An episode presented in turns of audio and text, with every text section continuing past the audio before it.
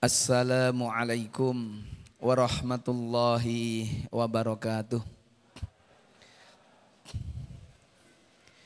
Bismillahirrahmanirrahim. Alhamdulillahi rabbil alamin. Wabihi nasta'inu ala umuri dunya waddin.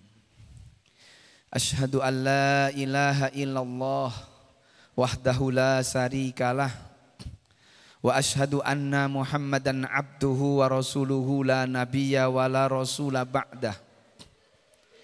Allahumma salli ala sayyidina wa habibina wa syafi'ina wa kudwatina wa murabbina wa qurrati a'yunina Muhammadin wa ala alihi wa ashabihi wa man tabi'ahu bi ihsani ila yaumil qiyamati.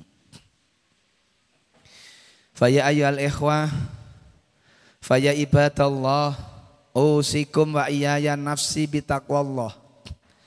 Kama qala ta'ala fi kitabihil karim A'udhu billahi minas syaitonir rajim.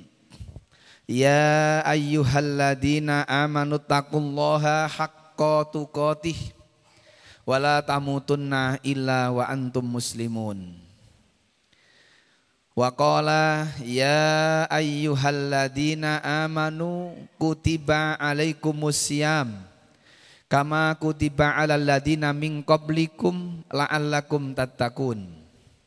Wa Rasulullah sallallahu alaihi wasallam qad ja'akum syahrul ramadan syahrun mubarak iftaradallahu alaikum siyamahu yuftahu fihi abwabul jannah wa yughlaqu fihi abwabul jahim.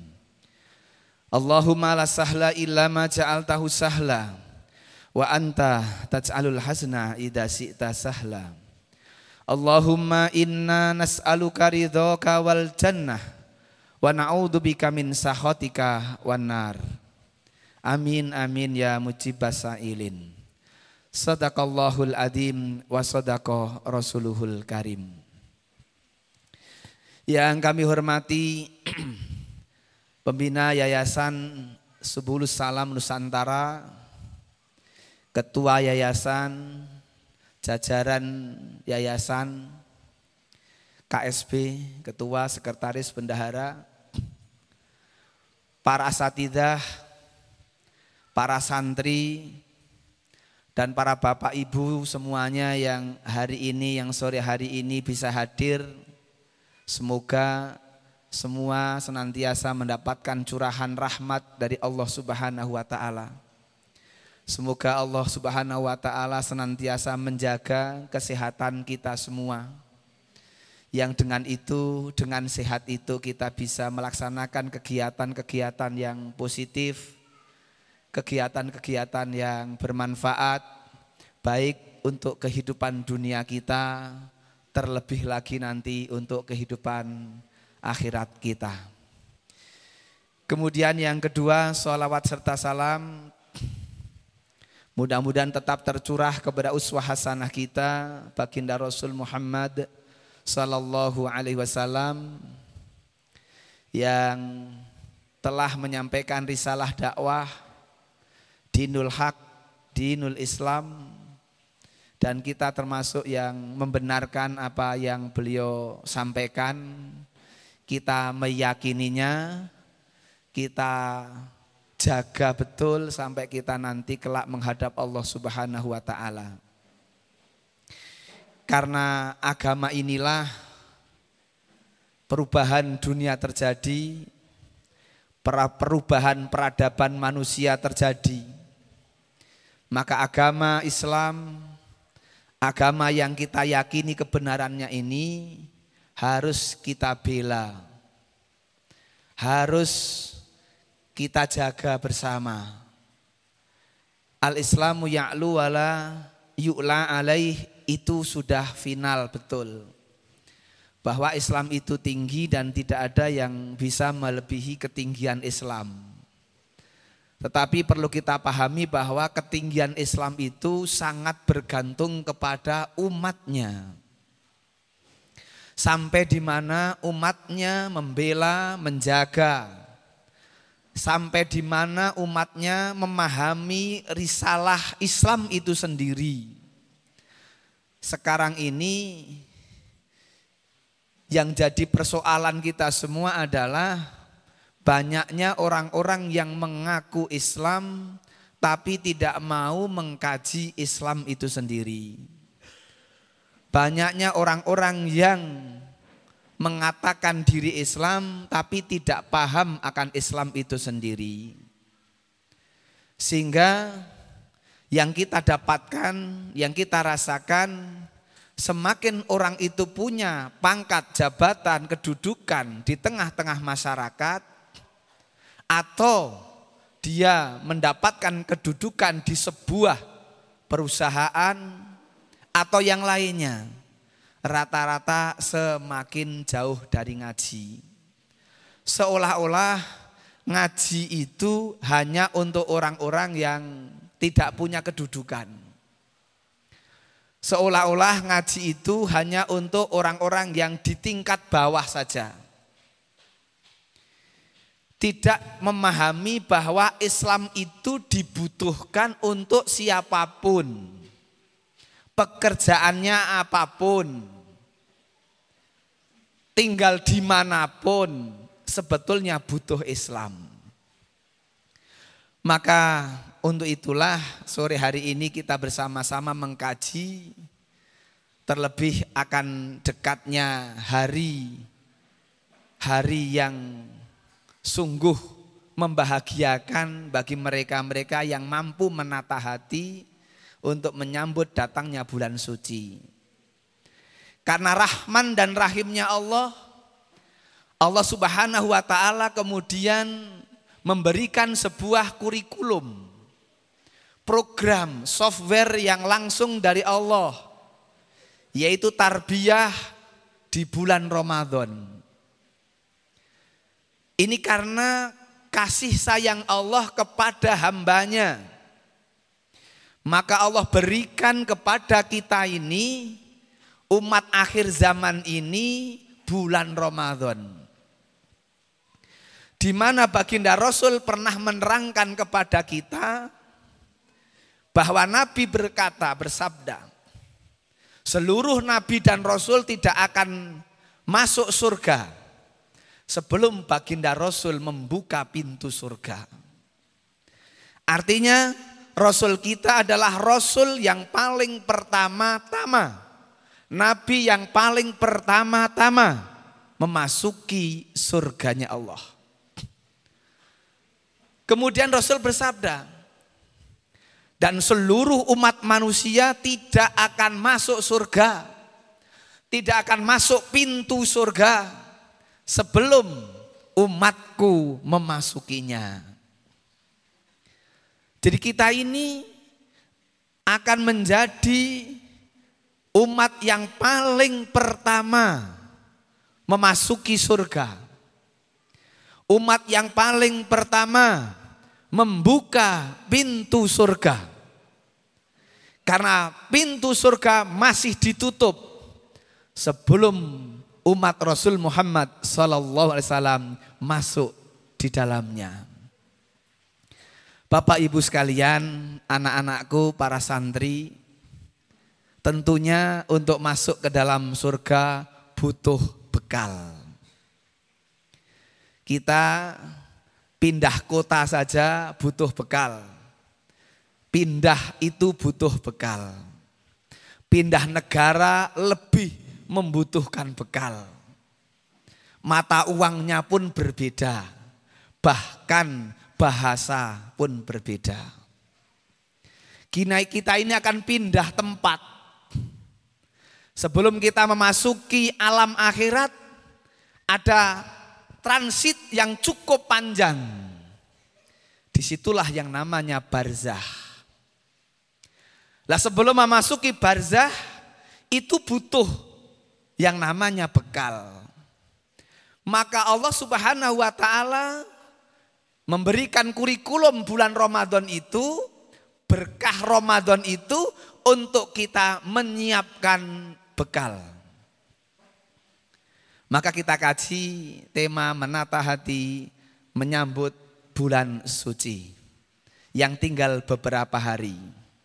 Kajian mungkin tinggal tanggal 10.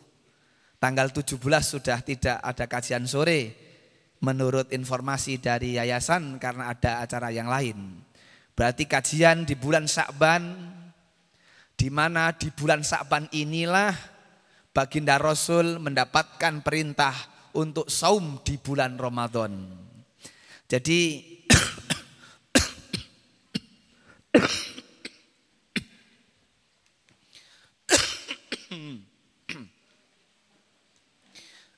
dimaafkan masih batuk Bapak Ibu. Terjadi pada bulan Sa'ban tahun 2 Hijriah. Jadi yang namanya perintah Ramadan itu ternyata turunnya pada bulan Syakban. Satu bulan sebelum Ramadan. Kenapa tidak di bulan Ramadan? Itu. Allah dengan kasih sayangnya memberikan kabar gembira bagi kaum muslimin tentang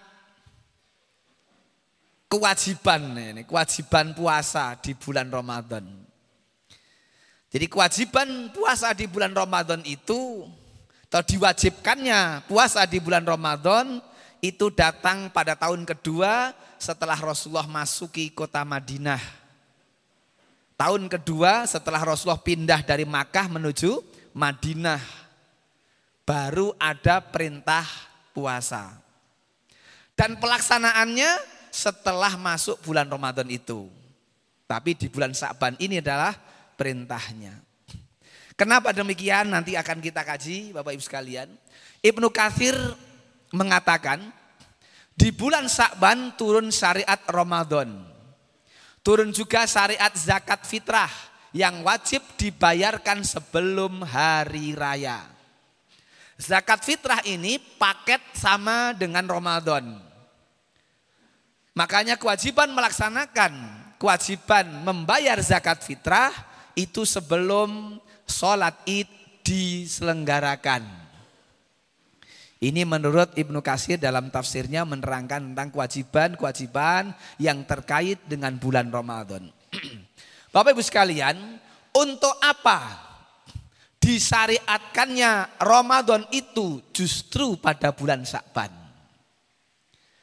Di sinilah kemudian kita sering menyambut kata, menyebut nama kata yaitu tarhib tarhib Ramadan. Apa itu tarhib? Itu. Bapak Ibu sekalian, agar Nabi memiliki kelapangan. Kata tarhib itu ya, kata tarhib itu maknanya lapang.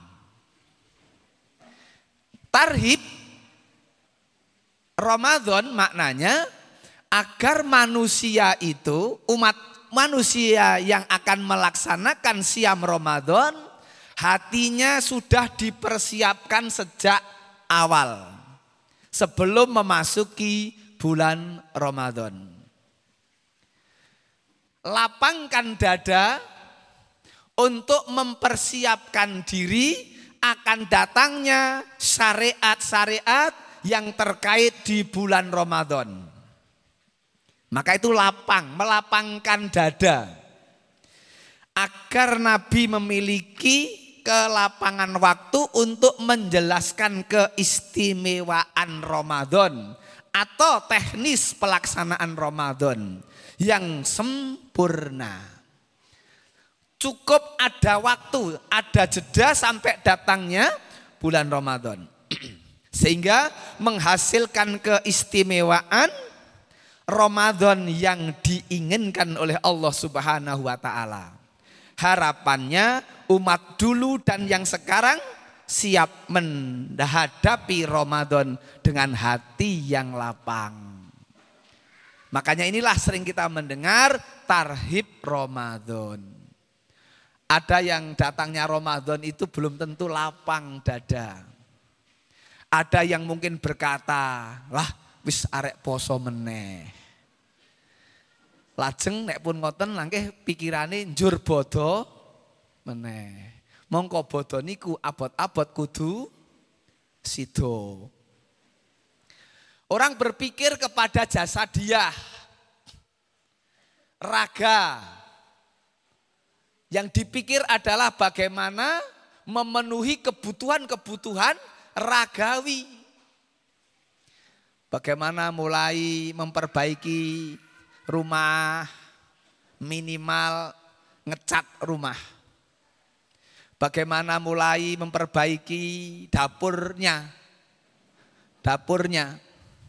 Ada yang kemudian nambah regolnya dan pagar rumah. Jadi orang menyambut Ramadan itu yang kemudian yang paling ditunggu adalah hari raya itu adalah dengan sesuatu yang sifatnya dohir. Dohir. Pakaiannya baru. Bahkan kasurnya pun baru. Sepertinya tidurnya itu hanya ketika mau hari raya. Sehingga kasurnya pun baru. Ini yang harus diluruskan bagaimana apa itu tidak boleh? Boleh saja. Boleh-boleh saja. Gitu. Tetapi yang paling pokok adalah nanti takwa itu ada takwa dimensi jasadiah, dimensi ruhiyah dan fikriyah. Itu yang kita, kita akan kaji sama-sama. Mudah-mudahan sampai jam 6 nanti. Bapak Ibu sekalian, hati yang lapang Ya, hati yang lapang. Rohibi yurohibu tarhibun. Itu yang. Kata marhaban, bisa melihat ke slide. Kalau kita mau melapangkan hati, supaya apa pun yang akan datang itu mudah, maka tambahkanlah tasdid. Jazakallah. Yes, oke. Mas Bapak Ibu, rahibi yurahibu tarhibun. Gitu. Maka tarhib Ramadan adalah usaha kita untuk berusaha melapangkan hati menyambut bulan suci Ramadan usaha untuk melapangkan hati supaya kita siap dengan berbagai macam perintah dan larangan terkait dengan fikih Ramadan dan keutamaan-keutamaan yang Allah dan Rasul sebutkan di bulan Ramadan. Ini Bapak Ibu sekalian. Jadi kalau kita kemudian memahami Ramadan itu adalah kasih sayang Allah kepada umat di akhir zaman ini karena umat-umat terdahulu panjang-panjang umurnya. Umat-umat berikutnya di akhir zaman ini lebih pendek daripada umur umat terdahulu. Umur-umur umat terdahulu ada yang sampai ribuan, ratusan. Umur umat hari ini jarang yang sampai di atas seratus. Kalaupun mencapai seratus, kesehatannya pun sudah menurun. Bahkan ada yang sudah bosan hidup. Ternyata panjang umur itu juga kadang malah jadi persoalan. Maka jangan sampai keliru berdoa. Ya Allah panjangkanlah umur saya. Nek panjang tenan, kabeh wis do mati juga ada dewean. Apa raya mumet dhewe? Panjang dewean ra ono kancane gak ada dewek gitu. Bapak Ibu sekalian, yang diminta itu bukan panjangnya umur, tapi mengisi umur. Maka Nabi kita bersabda, khairun nas man tola umruhu wahasuna amaluhu. Sebaik-baik manusia itu yang panjang umurnya dan baik amal perbuatannya. Kalau umur panjang tidak diisi untuk perbuatan baik, yakin berat ketika menghadap hisap. Untuk itu Bapak Ibu sekalian kita pahami ilmu. Umur umat orang-orang dulu, umat-umat terdahulu panjang-panjang. Maka kalau mereka taat, maka rapot mereka ketika dibuka bagus-bagus dan lama. Nabi Nuh alaihissalam 950 tahun dalam kebaikan dakwah. Itu kalau dibuka rapotnya bagus semua. Nabi Ibrahim alaihissalam 195 tahun.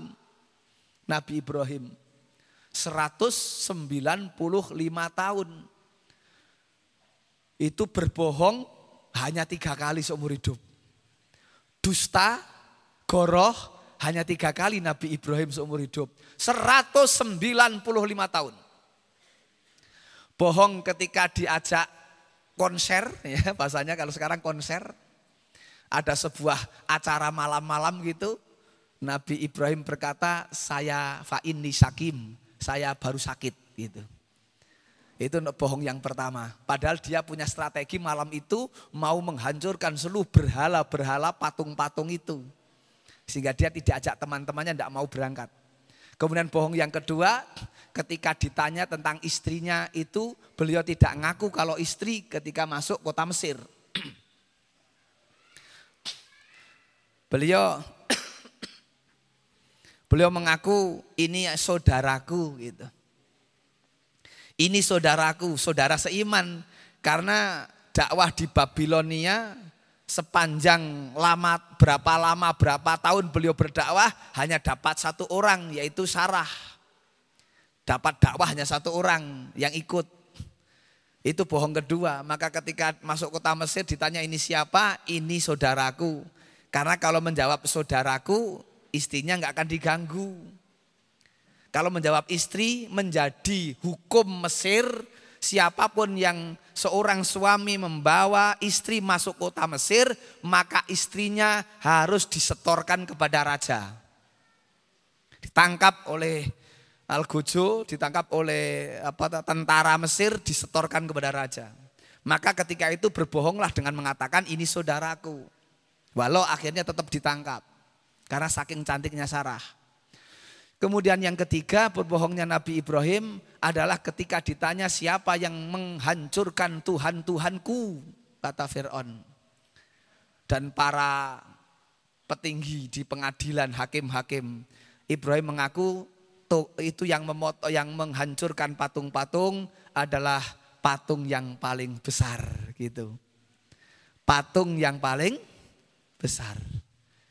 Nah di situlah Nabi Ibrahim memberikan pelajaran kepada mereka saat itu. Bapak ibu sekalian, umur-umur umat orang terdahulu itu panjang-panjang. Nek baik-baik lama sekali. Umur umat ini pendek-pendek. Maka diberitahukanlah petingan-petingan amal, amal andalan agar seperti nilainya panjangnya seperti orang-orang terdahulu. Itulah yang dimaksud. Maka kenapa harus Ramadan? Itulah nanti Bapak Ibu. Ini masih tarhib. Apa? Apa itu tarhib?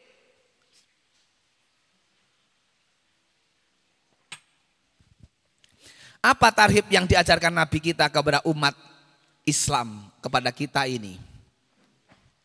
Ada tiga Bapak Ibu, goal setting kita untuk Ramadan itu, kita akan dikatakan berhasil dalam tarbiyah pendidikan bulan Ramadan, ada tiga yang harus kita upayakan untuk mendapatkan itu semua. Yang pertama, peningkatan ketakwaan personal pribadi. Yang kedua, peningkatan ketakwaan sosial. Ini berarti peka terhadap lingkungan, nanti begitu. saling berbagi dan berbagai macam kebaikan dibagi-bagi itulah peningkatan ketakwaan sosial. Dan yang ketiga membentuk karakteristik manusia yang bersyukur. Yang pertama, peningkatan ketakwaan personal ini ada dalam firman Allah surat Al-Baqarah 183. Kemudian yang kedua, peningkatan ketakwaan sosial ini ada dalam surat Al-Baqarah 187. Kalau yang peningkatan ketakwaan personal itu la'allakum tatakun. Kalau kemudian yang peningkatan ketakwaan sosial itu yatakun di akhir ayat. Tatakun kata ganti orang ketiga, eh kedua, anta. Yatakun itu orang ketiga. Begitu. Kemudian yang ketiga, membentuk karakteristik manusia bersyukur. Ini ada di dalam Al-Baqarah 185. Jadi tadi Mas siapa asmone? Siapa Mas namanya Mas?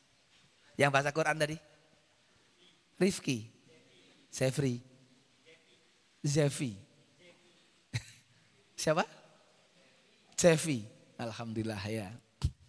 Bacaannya bagus tadi. Baca firman Allah surat Al-Baqarah 182 sampai 187 tadi. Al-Baqarah Bapak Ibu ingkang ngasto HP Android aplikasi Quran coba dicek. Quran penjenengan sama ndak dengan Qurannya Mas Jevi tadi?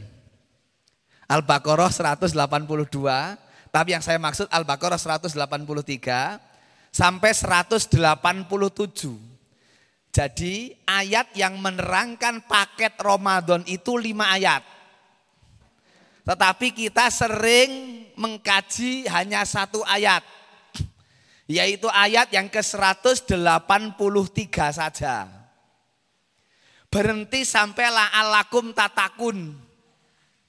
Itulah yang masuk dimensi peningkatan ketakwaan personal. Ketakwaan pribadi. Itu. Maka kalau dilanjutkan nanti ada peningkatan ketakwaan sosial, kepekaan terhadap lingkungan, kepedulian kepada yang lain. Inilah yang diajarkan oleh Allah dan Rasulnya kepada kita. Bahkan peningkatan ketakwaan sosial ini pun Bapak Ibu ada hadis yang menerangkan barang siapa. Nek barang siapa itu enggak sebetulnya enggak pas ya, barang kok. Sesiapa saja gitu maksudnya yang pas itu. Nek barang itu kan barang ya. Sesiapa saja itu yang memberi berbuka kepada orang yang berbuka, maka dia mendapatkan pahala seperti orang yang berpuasa. Tanpa mengurangi pahala orang yang berpuasa. Ini kan dimensi sosial. Berbagi.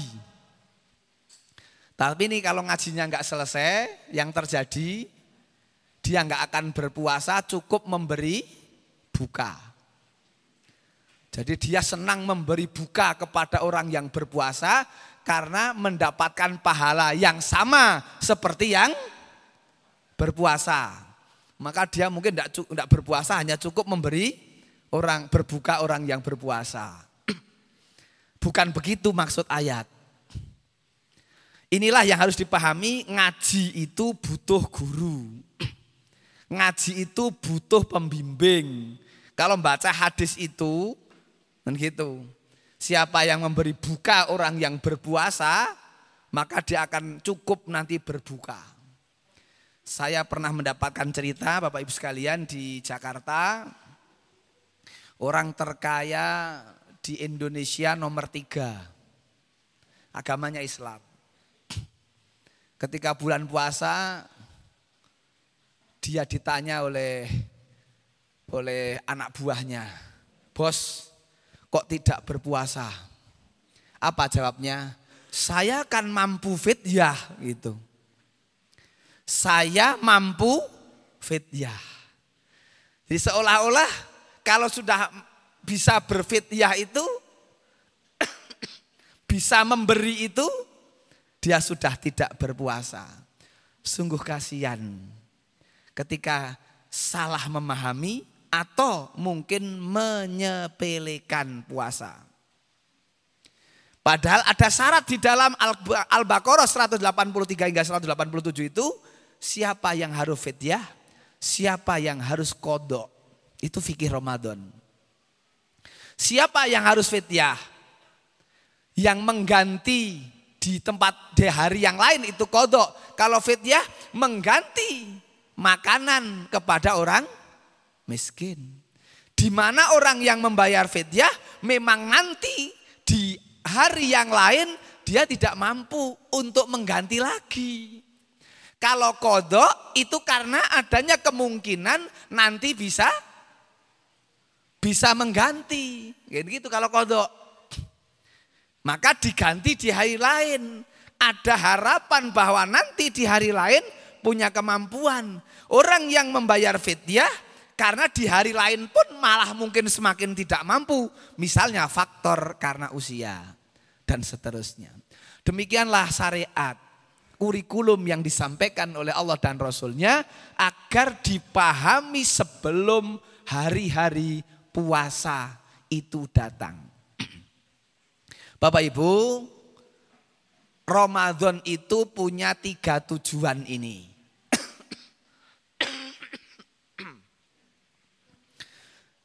Coba dipahami satu-satu nanti peningkatan ketakwaan personal, peningkatan ketakwaan sosial, dan membentuk karakter manusia yang bersyukur. Kalau tiga ini betul-betul sudah bisa dipahami, maka luar biasa. Negeri ini akan menjadi negeri yang baldatun toyibatun. Dan insya Allah warobun ghafur. Karena orang-orang yang ada penghuni negeri ini adalah orang-orang yang bertakwa secara pribadi, bertakwa secara sosial, kebersamaan, bertetangga, bermasyarakat dan bernegara dan menjadi manusia-manusia yang punya ke karakter bersyukur. Kalau ini betul-betul bisa didapat dengan selesainya pembelajaran selama bulan Ramadan, maka munculnya keberkahan bumi ini akan segera didapat. Karena adanya program yang langsung dari Allah dan Rasulnya yaitu bulan Ramadan. Baik Bapak Ibu sekalian,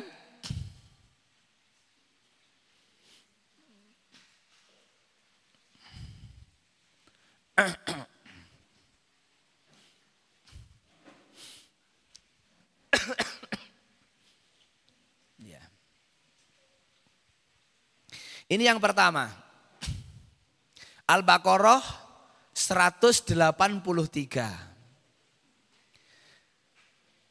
A'udzu billahi minasyaitonir rajim. Ya ayyuhalladzina amanu Kutiba alaikumus siyamu kama kutiba alal ladzina min qablikum la'allakum tattaqun. Wahai orang-orang yang beriman, Allah memanggil Allah menimbali siapa pun yang ada iman.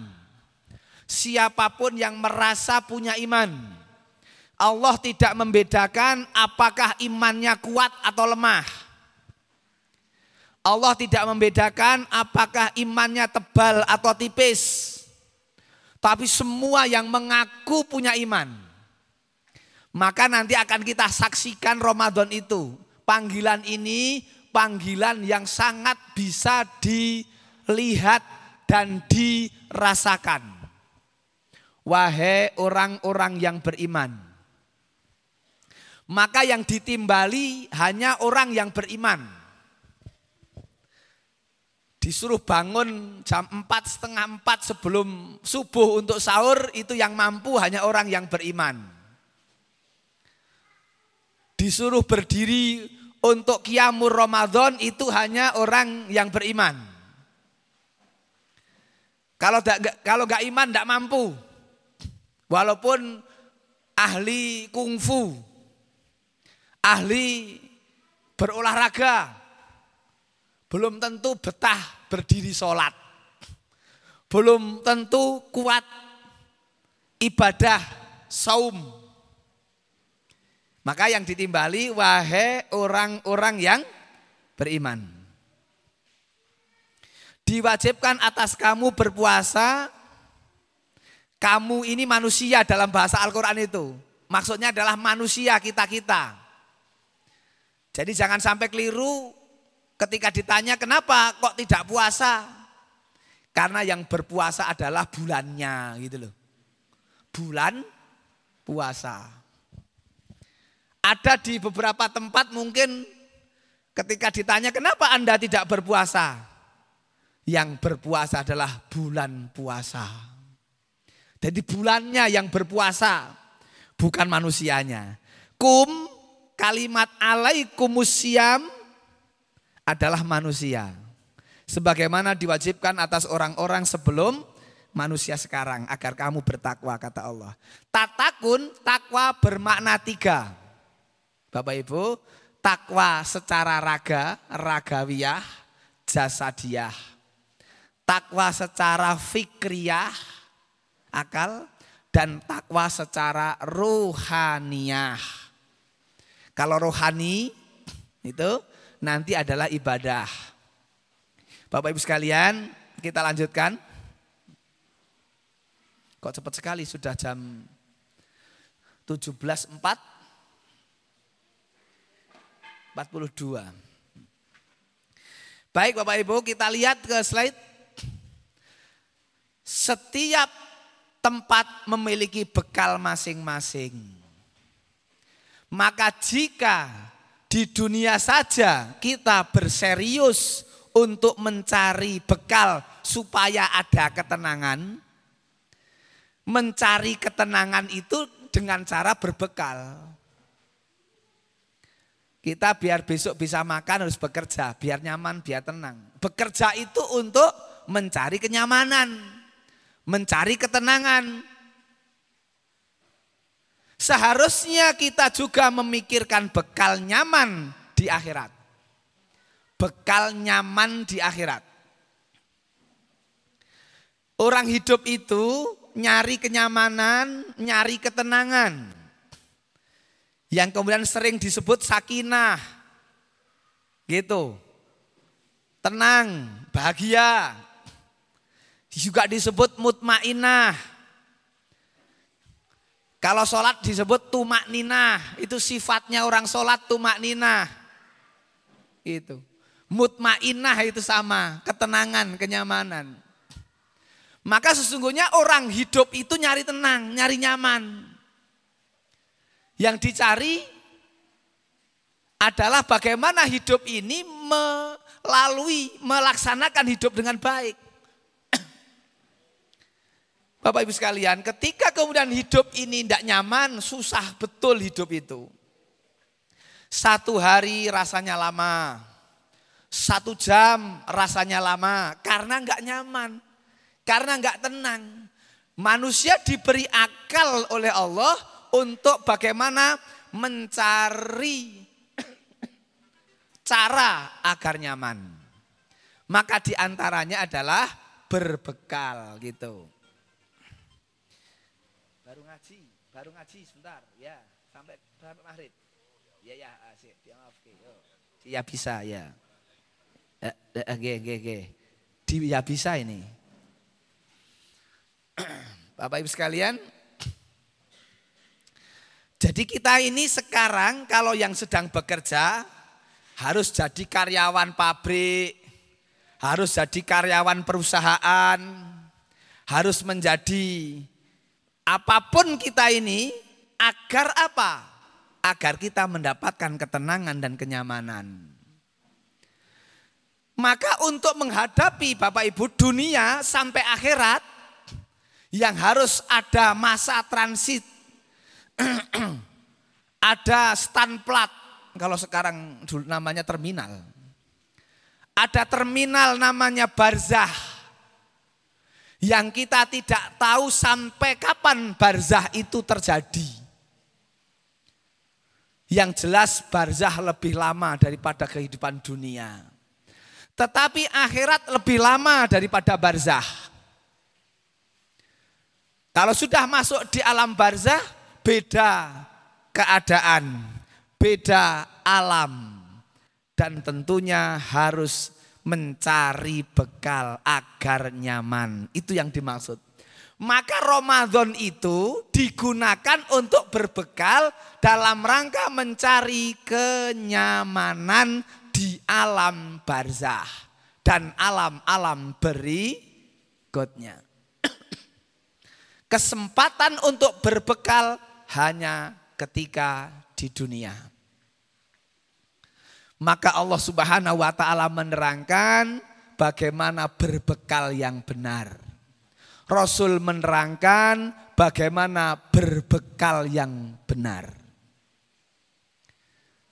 Kalau sampai berbuat salah, Allah dan Rasulnya pun mengajarkan bagaimana menghapus sebuah kesalahan.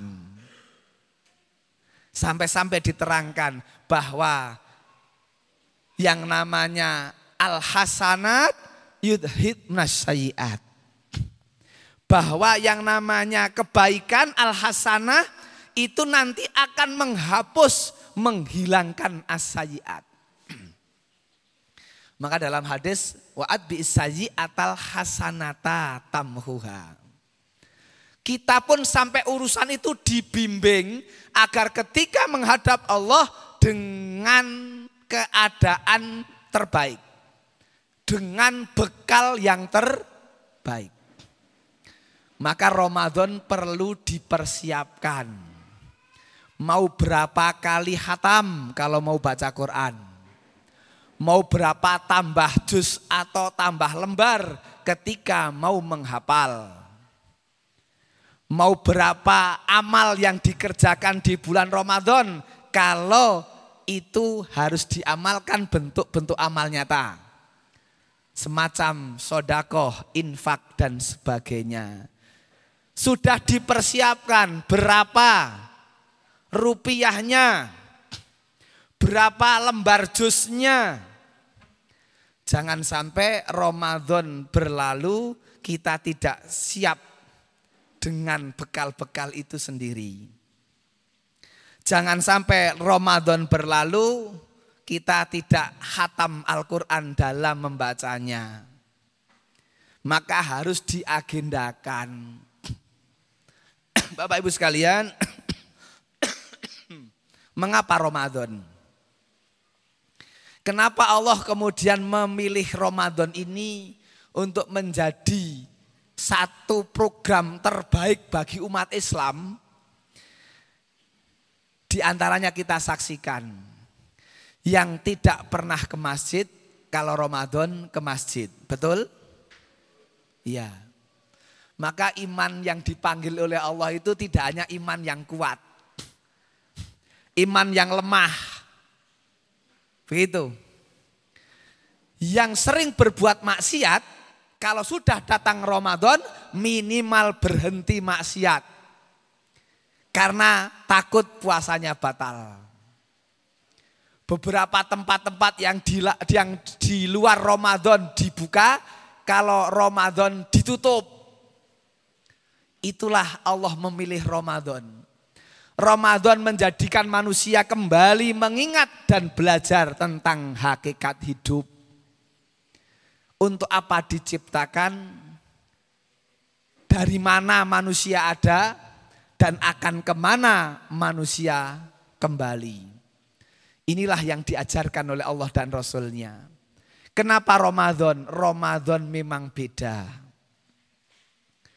Yang biasanya tidak ke masjid itu bisa di soft satu Bukan berarti yang di soft satu tidak pernah ke masjid loh ya.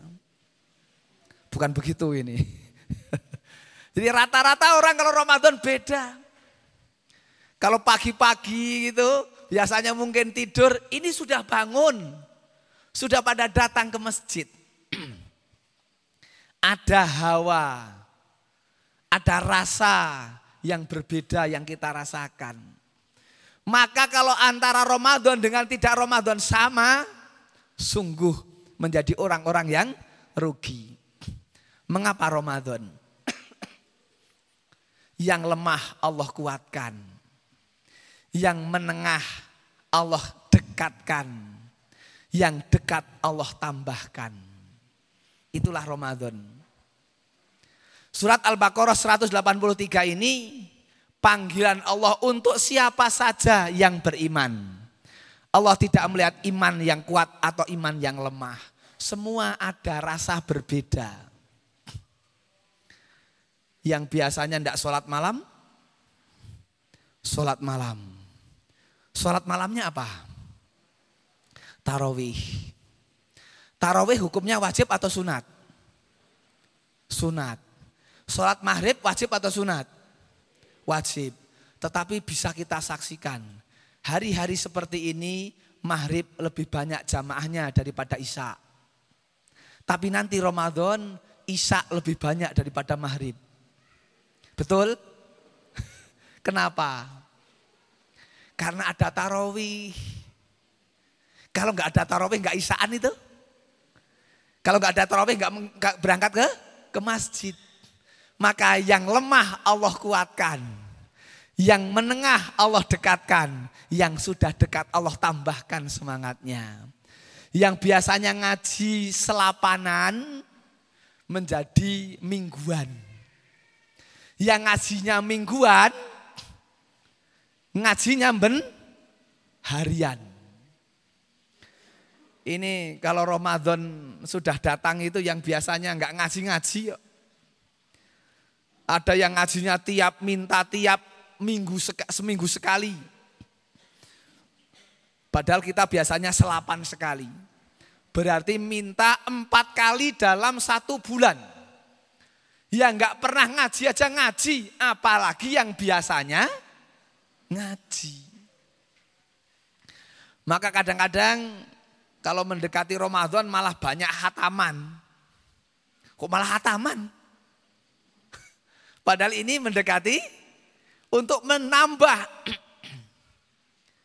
Kadang-kadang kita sulit sekali mau berbuka bersama para ustadz itu, mau berbuka bersama dengan istri, dengan anak itu berat, sulit. Karena diajak berbuka di mana, berbuka di mana, berbuka bersama di rumah makan sana, berbuka bersama di rumah makan sini. Sebelumnya kajian dulu. Yang nggak ada undangan itu undangan berbuka bersama. Eh kok berbuka? Kenapa? Bersaur itu apa? Nek berbuka banyak, nek bersaur jarang. Undangan sahur bersama, kira-kira do pamit niku. Mosok tangi turu mengarek dahar megah tuh. Kalau undangan berbuka bersama pada datang, walaupun tidak puasa tetap datang kok yakin itu. Minimal latihan bukoh lah. Kalau kok kemudian latihan sahur ragelem. Undangan sahur bersama, latihan kok latihan sahur abot toh. Karena memang inilah fisik, harus takwa. Badan harus takwa. Sampai Rasul mengatakan di dalam makan sahur itu ada berkah gitu loh. Di dalam makan sahur ada berkah. Karena memang makan sahur itu berat. Rata-rata kalau makan sahur jarang yang tanduk. Onten sing tanduk. Umurnya sudah 70 tahun tanduk. Wah jangan peng-pengan niku. Nek canom pitung pitulas tahun ya ora ora kagok ora kaget ya kan. Tapi udah udah sepuh, semakin tambah hari berpuasa, semakin mendekati habis masa puasa, maem dahar ngunjuknya soyo sekede. Itulah perlatihan fisik. Di waktu siang hari pas enak-enaknya makan minum itu kita disuruh menahan sampai nanti terbenamnya matahari. Saenak-enaknya dahar ya siang lah. Unjuan siang. Apalagi ada es degan ngono. jam satu siang kok enak. Lo kok es degan kok jam setengah empat. So, setengah empat dini hari berat. Maka inilah te, apa namanya batin rasa ditekan untuk taat. Demikianlah Allah Subhanahu wa taala membuat program ini agar manusia menjadi secara personal la'alakum tatakun. Coba kita cermati ayat. Ini ayat. Pada kata Ya ayuhalladhi mengisyaratkan panggilan bagi keseluruhan orang yang beriman. Entah itu iman yang kuat atau iman yang lemah. Maka ayat di atas dikerucutkan kepada hadis berikut. Ini hadisnya. Man koma Ramadhana imanan wahtisaban Gufirolahu matakot damamin dan bihi. Barang siapa, masih barang siapa. Sesiapa melakukan sholat tarawih dengan rasa iman dan ikhlas. Kenapa ikhlas di situ maksudnya adalah ikhtisab, hitung-hitungan, karena namung datang Allah pun nyuwun dihitung. Hanya kepada Allah saja minta dihitung tidak minta diperhitungkan di sisi manusia. Maka di sinilah yang kemudian kata imanan wahtisaban. Jadi hanya pengen dilihat Allah, maksudnya dihitung itu. Maka di situ maknanya ikhlas, maka diampuni dosanya yang telah lewat. Seandainya kesalahan-kesalahan, kehilafan sudah dihapus alangkah bahagianya. Bapak Ibu, umur kita antara 60 sampai 70. Buat tidur sepertiga. Kalau umur 60 tidurnya 20 tahun. Tambah masih untuk akil balik 10 tahun atau 15 tahun misalnya. Yang 60 kurangi 20 masih 40. 40 kurangi 10 masih 30. Taruhlah kalau kemudian 30 tahun kita hidup yang betul-betul untuk ibadah kepada Allah itu berapa tahun? Terus yang betul-betul ibadah kepada Allah itu ikhlas itu yang berapa tahun? Terus masih di dalam hidup itu tambahi dengan kesalahan dan kemaksiatan. Ini kira-kira untuk menghadap Allah berbekal apa? Untuk masuk di alam barzah dan berikutnya masuk ke alam akhirat. Itu nek hitung-hitungan mengerikan. Berapa yang sudah kita perbuat baik dan buruk itu. Maka Ramadan itu menjadi solusi siapa yang mendapatkan Lailatul Qadar di malam itu dia sedang beribadah entah tadarus Al-Quran, entah kiam Ramadan di malam itu, disebut malam itu sejak matahari terbenam sampai nanti waktu subuh. Maka kalau malam itu bisa untuk beribadah, deres, tadarus, sholat malam, dan amal-amal yang lainnya, itu bernilai seperti lebih dari seribu bulan. Seribu bulan itu 83 tahun 4 bulan.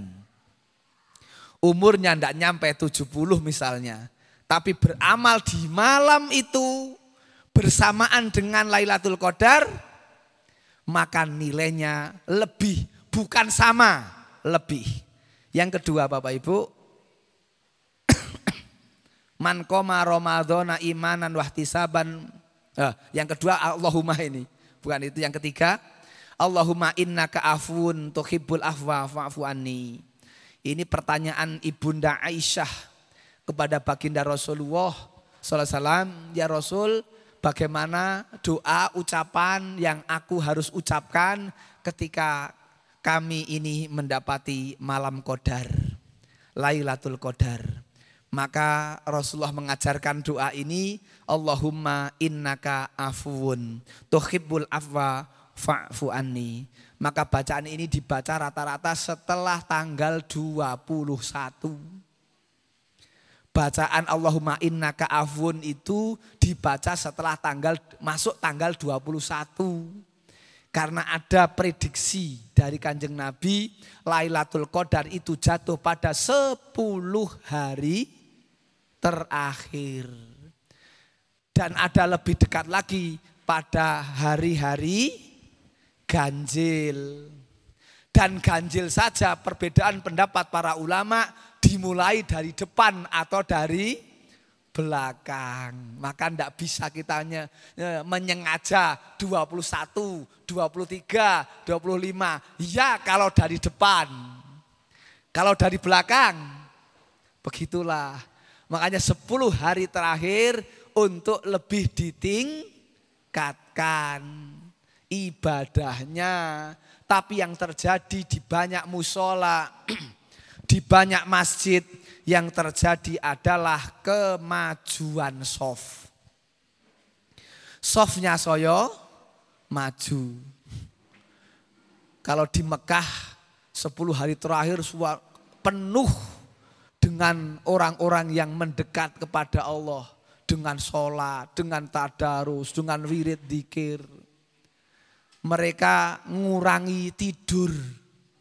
Mereka mengurangi tidur untuk ibadah di Indonesia 10 hari terakhir mengurangi tidur untuk buat kuping gajah. Dan tai kucing. Untuk cacing. Ya kan? Sama-sama mengurangi tidur tapi digunakan untuk buat onde-onde ceplis. Dan sebagainya dan sebagainya. Ini yang terjadi. Maka nanti pada tanggal satu sawal semua diletakkan di depan meja dan hanya disawang. Jarang yang makan sampai nanti akhir sawal wis ambune tengik turah-turah. Maka urusan dahar rausah dipol-polake. Sing kira-kira dahar ki didahar. Daharan itu di dahar. Daripada wis kesel keju kaki, kurang tidur dan sebagainya. Hanya untuk makanan yang belum tentu dimakan dan dinikmati. Memang ini budaya di negeri kita. Kalau sudah hari-hari mendekati habisnya Ramadan, hampir rata-rata semua bersiap untuk membuat makanan-makanan yang tidak biasanya gitu. Walaupun kadang berlebihan, yang itu yang kurang bagus. Saya kira begitu Bapak Ibu sekalian, nggak cukup waktu ya. Ilaman atau Allah bin salim, kecuali orang-orang yang menghadap Allah dengan hati yang bersih. Masih dua sebetulnya, yaitu dimensi sosial dan bagaimana membentuk karakteristik orang-orang yang bersyukur. Ya ini satu paling tidak, ngoten nggih. eh,